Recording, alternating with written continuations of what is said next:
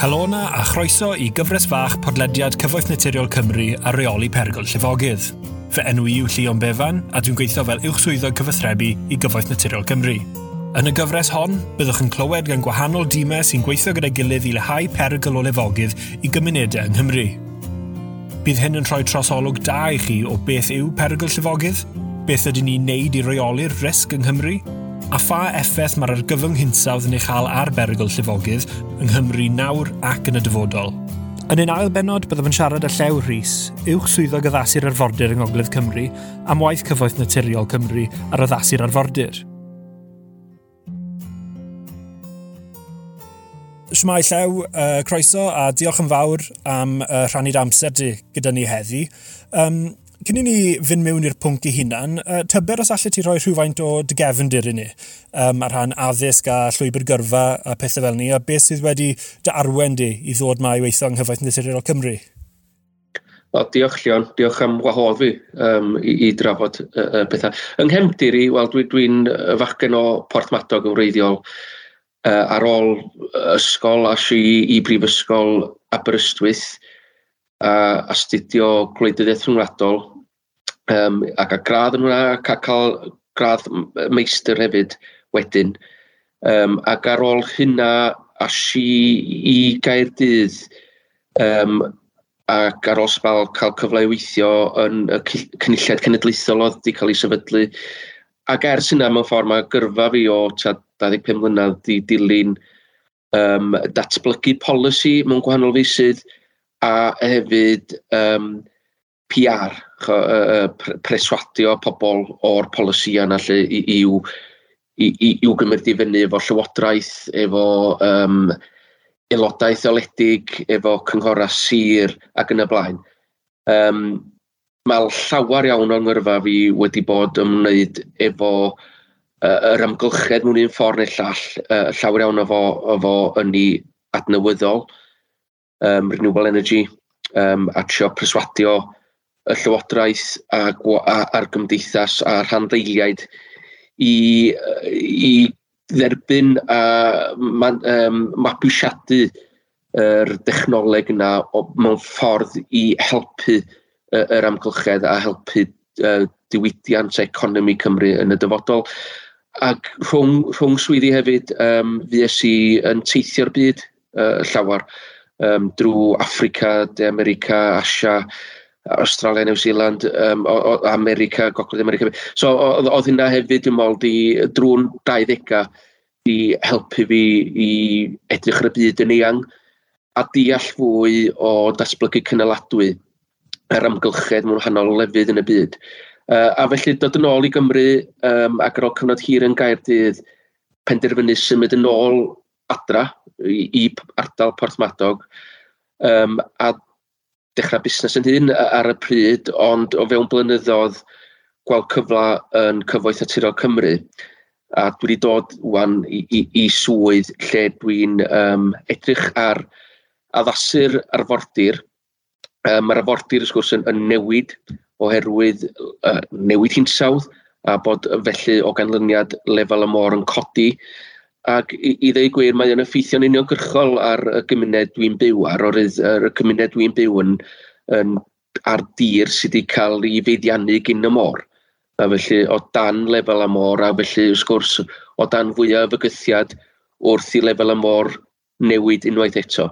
So mae o'n hynod agos i fi mewn ffordd, a, ma, a mewn ffordd mae'r holl wybrau wedi dilyn yn dod adra i, i wneud y gwaith yma diddorol, ie, yeah, teisio um, bedwar ban byd ond dod nôl adren pen draw. Um, a diddorol hefyd, mae da'r ddoi o'n i radd y gwleidyddiaeth o Brifysgol Aberystwyth. So, braf gweld un arall. um, a ti'n be, cyn i ni uh, fynd mewn i'r um, i'r pwnc yn, yn, mewn llawer o fanylder falle, um, falle bod bydde fe'n ddefnyddiol dechrau gyda rhai cysyniadau a beth yw'r prif sylfaen o'r swydd mewn gwirionedd. Felly, Tyma, yn gyffredinol, beth yw cynnydd yn lefel y môr? Wel, mae'r ma cynnydd um, o, o, o top, dibynnu pa fodel ti'n edrych ar ac dibynnu ar y lleoliad ti'n edrych ar hefyd. So, dim yn, dim yn gyson i bob man. Um, ond on mae, da ni'n gwybod bod cynnydd y lefel y môr uh, yn digwydd. Um, mae o yn effaith uniongyrchol o, o newid hinsawdd. So, mae'n ma, ffaith, dio ddim yn rhywbeth neu, neu rhywbeth mae rhywun dychmygu mae o'n digwydd a mae'n digwydd ar garlam oherwydd newid hinsawdd. A felly, da ni siarad am chydig o ddegawda lle fydd cymunedau o amgylch Cymru yn, yn cael ei effeithio. Lle. Um, ys gwrs, mae yna lot o, o trio deall um, hyn, a hefyd trio mesur be fydd y lefel cywir, ond mae'n anodd iawn roed un ffigwr um, mae'n mynd i fod yn wahanol, yn wahanol ardaloedd a gwahanol le, lle, lleafoedd. Um, ond be dyn ni yn drio wneud, mae yna bolisi um, uh, i edrych yn e, yna wedi bod ers dalwn. Dwi'n dwi meddwl ar tor sail y polisi di, di dealltwriaeth um, gen Llywodraeth Cymru, gen ni fel Cymru mewn ffordd, ydy, da ni ddim yn mynd newid beth sy'n digwydd. So, os ti'n meddwl am chwedl King Canute, yr er chwedl Anglo-Saxon, o'r brenin yn tio gorchymyn y môr, beidio dod i mewn, neu ti'n meddwl am chwedl Cymru uh, Cantra Gwylod. Um, so mae'r chwedla yma yn, yn, yn, bwysig a yn bwysig i ni gofio mewn ffordd a, a cymryd gwersio yn nhw. Do, dos a ddim newid yn, yn codi lefel y môr, a di'r môr ddim yn cymryd gorchmyniadau gyn unrhyw berson, unrhyw ddyn neu dynes. Mae'r ma môr yn mynd i wneud. Ac yr ymdrechion fel cymdeithas a cenedl a rhyngwladol hefyd i, i atal um, gweithygu newid hinsawdd. Mae yna sgwrs yn goloddiadwy, ond mae rhaid i ni dderbyn bod ni'n rhy hwyr hefyd i, i wneud yna. Mae rhaid ni dderbyn bod newid hinsawdd yn mynd i ddigwydd dros y degawda, efallai cwpl o gan, uh, ganrifoedd nesaf. Ac felly'r cwestiwn mawr i ni ydy sut da ni ymdew efo yna, sut ydyn ni'n addasu, sut ydyn ni yn rheoli, a be gallan ni ddylanwadu wrth yna. Mae hynna'n yn sicr y brif y brif gonsern ef, efo lefel y môr yn codi. Oedden dwi'n meddwl mae'r tystiolaeth yn dangos um, bod y lefel y môr yn codi yn, yn uwch, yn waith os ych isio, na sydd wedi cael ei ddamcynithu yn y gorffennol. A felly, dyn ni fwy o dan fygwth o gael digwyddiadau difrifol, ond hefyd digwyddiadau cyson. So, efallai gawn ni storm a llifogydd un flwyddyn, um, bod yr afo, chwa, bod yna fwy o stormydd hefyd yn y mynyddodd, mae lefel y môr yn codi'r ochr arall, so mae'r afonydd sy'n mynd o'r mynyddodd i'r môr yn cael ei ddwy ffordd o ffordd. Maen nhw'n cael y stormydd a fwy o law yn dod lawr yr afonydd, a gyda llanw uchel, mae hynna'n gallu bod yn pinch point yn yr uh, cymunedau arfordirol sy'n gallu creu problemau. A felly mae'r digwyddiadau yma yn mynd i fod yn fwy aml a fwy difrifol. A, a dyna beth ni'n edrych ar i, i ddeud y gwir. Oce, okay, gwych, diolch. A mo, wrth edrych ar y syniad o um, addasu arfordirol a creu cynefinodd, beth yw'r beth, beth yw syniadau tu ôl rheini yn, yn, yn benodol? Sut ydyn ni yn addasu? Wel, mae addasu'n dod yn mewn llawer o ffyrdd yndi. Um, So, y cyfrifoldab cyfoeth a tila Cymru yn gyntaf ydy um, amddiffyn bywyd, sef bywyd uh, pobl lle, ag um, tai, uh, to, um, eiddo. A dyna beth ni'n feddwl am. So mae ma, ma, rhaid i ni roed fwy o sylw i ardaloedd poblog.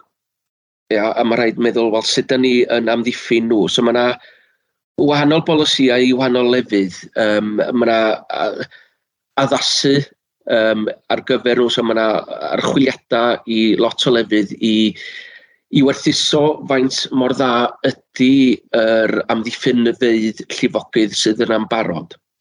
A cyfrifoldab y Cyfoeth o Cymru yn edrych ar ei hôl nhw, a faint mor dichynoldeb ydyn nhw yn, yn symud ymlaen.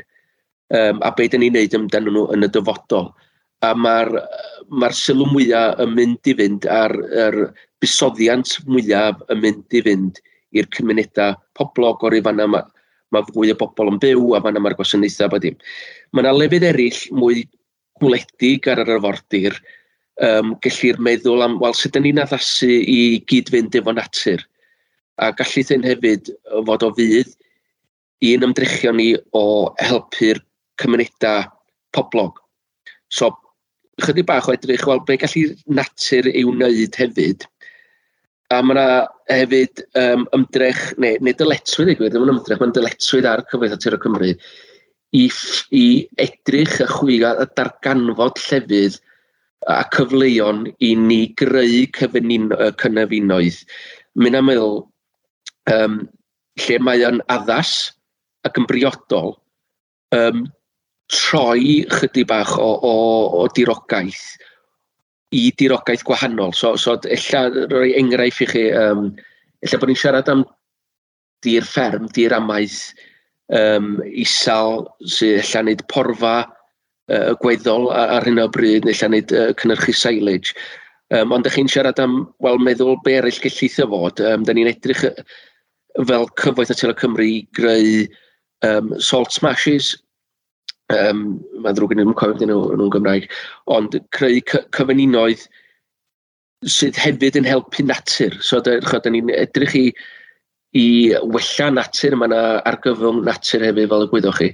Um, ond mae yna gyfle falla i greu cymuninoedd ar, uh, sydd yn helpu adar a planigion a bywyd gwyllt eraill, um, sydd yn rhan o'r uh, ystyriaeth yn yr un oll um, a yn amlwg, fel i ti wedi sôn am yn barod, ti'n ma, mae um, ma reality uh, cynnydd uh, mewn lefel y môr yn rhywbeth sy'n ni'n uh, gwybod am yn barod, rhywbeth sydd eisoes yn digwydd. Ond wrth edrych ti ag at y dyfodol, sut, sut wyt ti'n gweld sut allad hwnna effeithio ein gwaith ni a, a hefyd uh, cymunedau Cymru yn y dyfodol?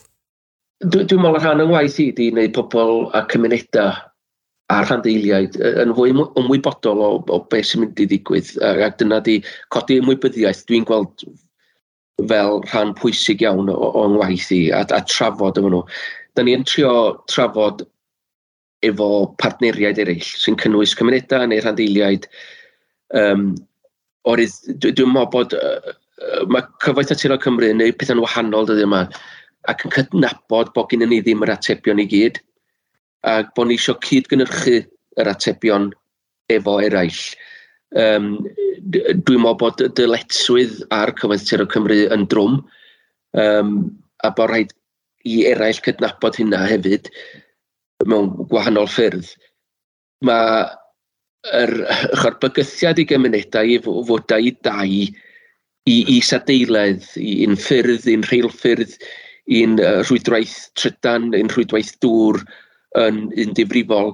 A mae'n rhaid cydnabod, mae'n rhaid ddeall o, bydd. Chod, ni yn siarad deall y broblem gyntaf cyn mynd ati i, i, i feddwl am opsiynau. Um, so mae o'n weithiau i cyfoeth Naturiol Cymru, da ni'n cymryd y cama yma yn gyfrifol. Mae o'n gallu ymddangos yn rwysedigaeth weithiau, dwi'n meddwl, oherwydd, da ni'n, fel ni'n egluro, da ni'n siarad deall y broblem gyntaf yn hunan cyn mynd allan i drafod efo eraill o beth ni weld ydy broblem. A wedyn, dwi'n meddwl bod yn chydig bach weithiau'n rwysedigaeth i'n partneriaid ni i wybod bod ni'n edrych ar y broblem a bod nhw'n meddwl bod ni yn cael nhw allan. Wel, ydy ni ddim. Y cam nesaf fydd yna.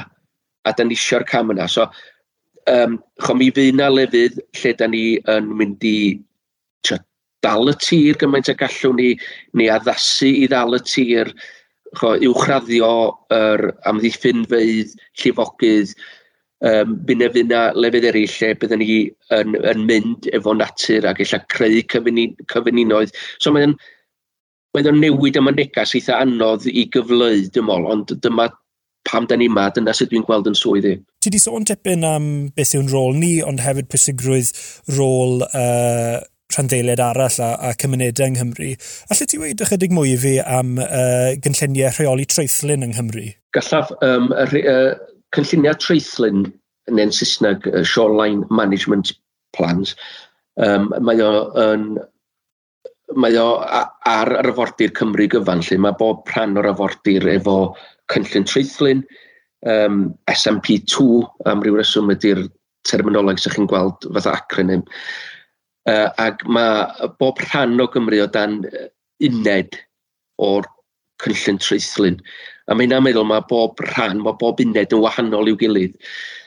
Nawr, beth sy'n ddiddorol efo'r cynllun treithlun, da ni'n trio, neu yr, yr ymgais ydy ers, ers iddo fo gael ei wneud, ta degawd yn ôl ydy um, meddwl beth sy'n mynd i ddigwydd i bob rhan o'r arfordir, a felly dyna pam mae bob rhan o'r arfordir yn cael ei, ei weld yn wahanol. Um, mae gennych chi gyfnodau neu beth sy'n cael ei alw'n epochs uh, efo bob, bob rhan o'r afordir a mae'r epoch nesaf fel mae'n digwydd yn dechrau'n uh, 2025.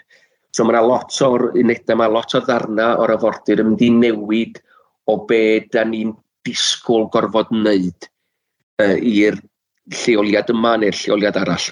Cho, efo trefi arfordirol, cymunedau mawr arfordirol, disgwylir i ni amddiffyn nhw gymaint y gallwn ni, ond mae'r amddiffyn na'n gorau golygu edrych ar yr aseda sgyn ni, ar aseda sydd yn amddiffyn yr afordir yn barod, uh, amddiffyn o'r afonydd yn barod, ac meddwl sut ydyn ni'n addasu rhain i fod yn fwy gydnerth ar gyfer dyfodol, nedig os maen nhw yn diheneiddio a ddim o'r effeithiol. Uh, mae yna rhai ardaloedd eraill ar yr afordir lle bydd rhaid penderfynu, wel, mae'r polisi newid, achos mae'r polisi newid o rei llefydd i ddim amddiffyn gymaint um, addasu gyda beth sy'n mynd i ddigwydd. So fo'n gallu bod hyd ond yn cerad i ffwrdd, chod no active involvement o gwbl rhydde. So mae, mae rhain yn benderfyniadau mawr a cyfrifol iawn sy'n rasgwydda uh, cyfoeth y tiro Cymru sy'n gorau cael ei wneud, ac oherwydd bod na un cyfnod, un epoch newid o un ei llall, mae o uh, yn hynod o um, gyfredol i'r amser yma, de. Chwa, mae'r epoch wedyn yn parhau am ta 50 mlynedd a mae'r llall yn parhau am ta 100 mlynedd. Ond wwan mae'r epoch nesa yn yn gwynebu ni. Diddorol. A allai ddychmygu, ti wedi sôn tipyn am mo, sut mae angen edrych ar gwahanol rhannu'r arfordir yn wahanol a gyda rhai bydd, bydd tipyn o waith yn mynd mewn i trio cadw'r lein fel betai ond gyda, gyda eraill yn, yn anffodus neu yn, yn anochel hyd yn oed bydd angen cymryd cam yn ôl efallai. Mae ma hwnna'n amlwg yn bwnc uh, llosg a hefyd yn un emosiynol iawn felly pan yn ymgysylltu gyda'r cyhoedd neu gyda rhanddeiliad, allai ddechmygu fod hwnna'n eitha heriol a mae'n rhaid bod da ni y dystiolaeth a'r ffeithiau um, yn barod iawn ac, yn, ac mor sicr a gallwn ni. Felly, tyma, pa, mor, pa mor bwysig yw'r yw gwaith o cael y, y dystiolaeth a'r ffeithiau pan yn cael y trafodaethau yma? Wel, sicr, dyna pam mae gen Cyfoeth Atyl o Cymru rhyw rhyw gynllun, um, a maen nhw'n gorfod, mae'r cynllun cael ei, i, i, i roi lawr gan y Llywodraeth mewn ffordd, bod ni'n gorfod mynd drwy'r cama yma o o wybod beth sy'n digwydd gymaint y gallwn ni o fodelu, o edrych ar y reidar i weld sut mae'r um, y tir ac trio meddwl o sut beth sy'n debygol o ddigwydd. Ac wrth gwrs gallwn ni roi gymaint o ddata i mewn i hyn a gallwn ni, a dyna beth ni'n trio wneud, a trio cael yr, yr modelu i fod mor gywir a gallwn ni, ond wrth gwrs yn cydnabod hefyd bod ni ddim yn mynd i gael popeth yn gywir. Um, ac, ac da ni yn mynd i gael rhai pethau yna'n gywir efallai, oherwydd da ni'n gwybod yn union sut mae'r dyfodol yn mynd i fod a be mae'r tywydd a'r hinsawdd i wneud. Um, mae o sgwrs yn, yn bwnc emosiynol iawn, a, ac da ni'n cydnabod yna, ac, ac mae yna ma gymunedau dan y fygythiad, um, da ni'n trio felly cyd-gynyrchu opsiynau a atebion i raddau Um, so, da ni'n mynd drwy'r broses, a mae'n broses hir, um, a, a, a fanna dwi'n meddwl bod yna rwysredigaeth, yr ydd, uh, da ni'n cychwyn ar y broses yn trio diffinio beth di'r broblem, beth di'r lefel o risg, i ni ddeall o yn hynna'n gyntaf. Ond wedyn y bwriad ydy mynd i'r cymunedau, mynd i'r rhanddeiliad a trafod o wel beth yw'r opsiynau. So mae'n gen i wedyn broses o dod allan a rhestr hir o opsiynau, a gallai bod y rhestr hir opsiynau uh, yn cynnwys popeth gallwn ni feddwl am yn cynnwys uh, opsiwn, opsiwn B efo opsiwn dd, ella, so cyfuniad o opsiynau. Um, mae yna broses wedyn o asesu'r opsiynau yna um, a eu prisio nhw, um, gweld beth di effaith a sgil effeithiau efallai na dydyn ni'n ystyried, so beth di um, unintended consequences rhai o'r opsiynau yna, a wedyn dod nhw lawr i rhestr fer o opsiynau. Rhestr fer wedyn i drafod i ymgynghori unwaith eto gyda'n rhandeiliad, gyda'r gymuned, a wedyn yn y pen draw dod a yr opsiwn a ffefrir. A wedyn mm -hmm. trio ffeindio'r cyllid yr arian i weithredu hwnna. So mae o'n mynd drwy gamma ar y deg efallai, ond gofalus a uh, trwyddgar i, i edrych ar beth sy'n digwydd a beth di yr opsiynau a beth sy'n mynd i bara o'r ydych chi'n siarad am degawdio fan hyn. Da ni'n siarad am easy fix yn eisiau gwybod bod cenedlaethau'r dyfodol i ddefnyddio'r term yn, yn, yn ddiogel hefyd. Ie, yeah, ie, yeah, na, mae hwnna'n bwynt pwysig iawn. A ti'n mo, yn, yn, yn amlwg fel o ti'n gweud, mae ma angen gweithio'n agos gyda unrhyw gymuned, gyda unrhyw fath o, o brosiect fel hyn. Um, pa fath o, um, o, o dîmau e, a pa fath o ddata sy'n mynd mewn i um, lliwio y, y, y fath hyn o, o, o gynlluniau? Ia, so mae gen bob prosiect, dibynnu lle ar y lleoliad, mae gen prosiect uh, rheolwr prosiect, ac um, so gynnwch chi project manager a hefyd gynnwch chi project executive, um, a wedyn da ni'n trio defnyddio, wrth gwrs mae, mae Cyfaith Naturiol Cymru yn, sefydliad eang iawn efo lot fawr o gyfrifoldeba ac un o'r sialensi mwyaf o Cwyliwch neu Beidio ydy wneud siŵr bod ni yn cydgysylltu efo'n gilydd. Bod ni wedi siarad efo pawb sydd efo diddordeb yn fewnol yn cyfoeth naturiol Cymru.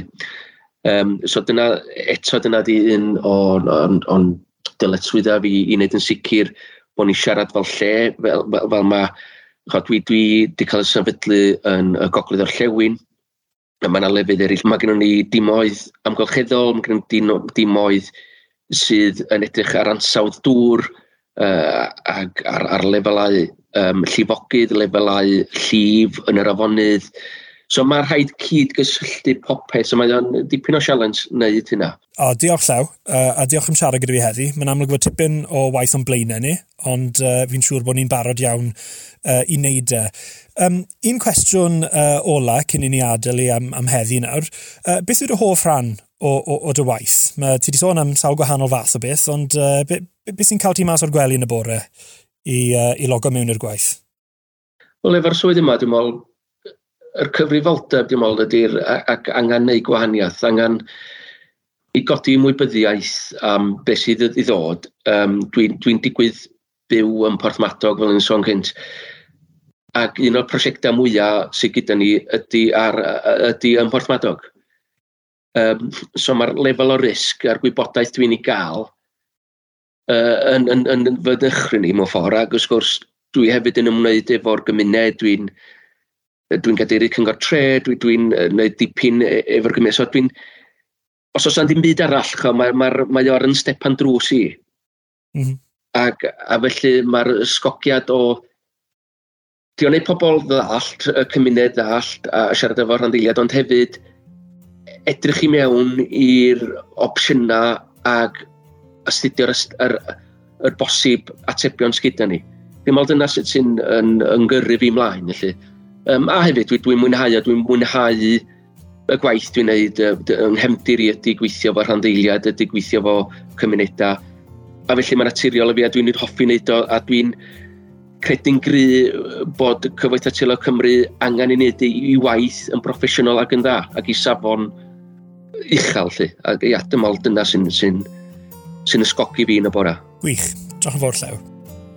Dwi'n gobeithio eich bod wedi mwynhau'r benod hon Os oes gennych unrhyw sylwadau neu gwestiynau, gallwch gysylltu â ni ar Facebook, Twitter neu Instagram, neu drwy'r cyfeiriad e-bost sydd yn nodiadau'r sioe yma. Fe welwch hefyd ddolenni un tudalennau gwe a reoli pergyl llifogydd, lle gallwch weld rhai o'r pethau dyn ni wedi sôn am yma heddi. Diolch am rando.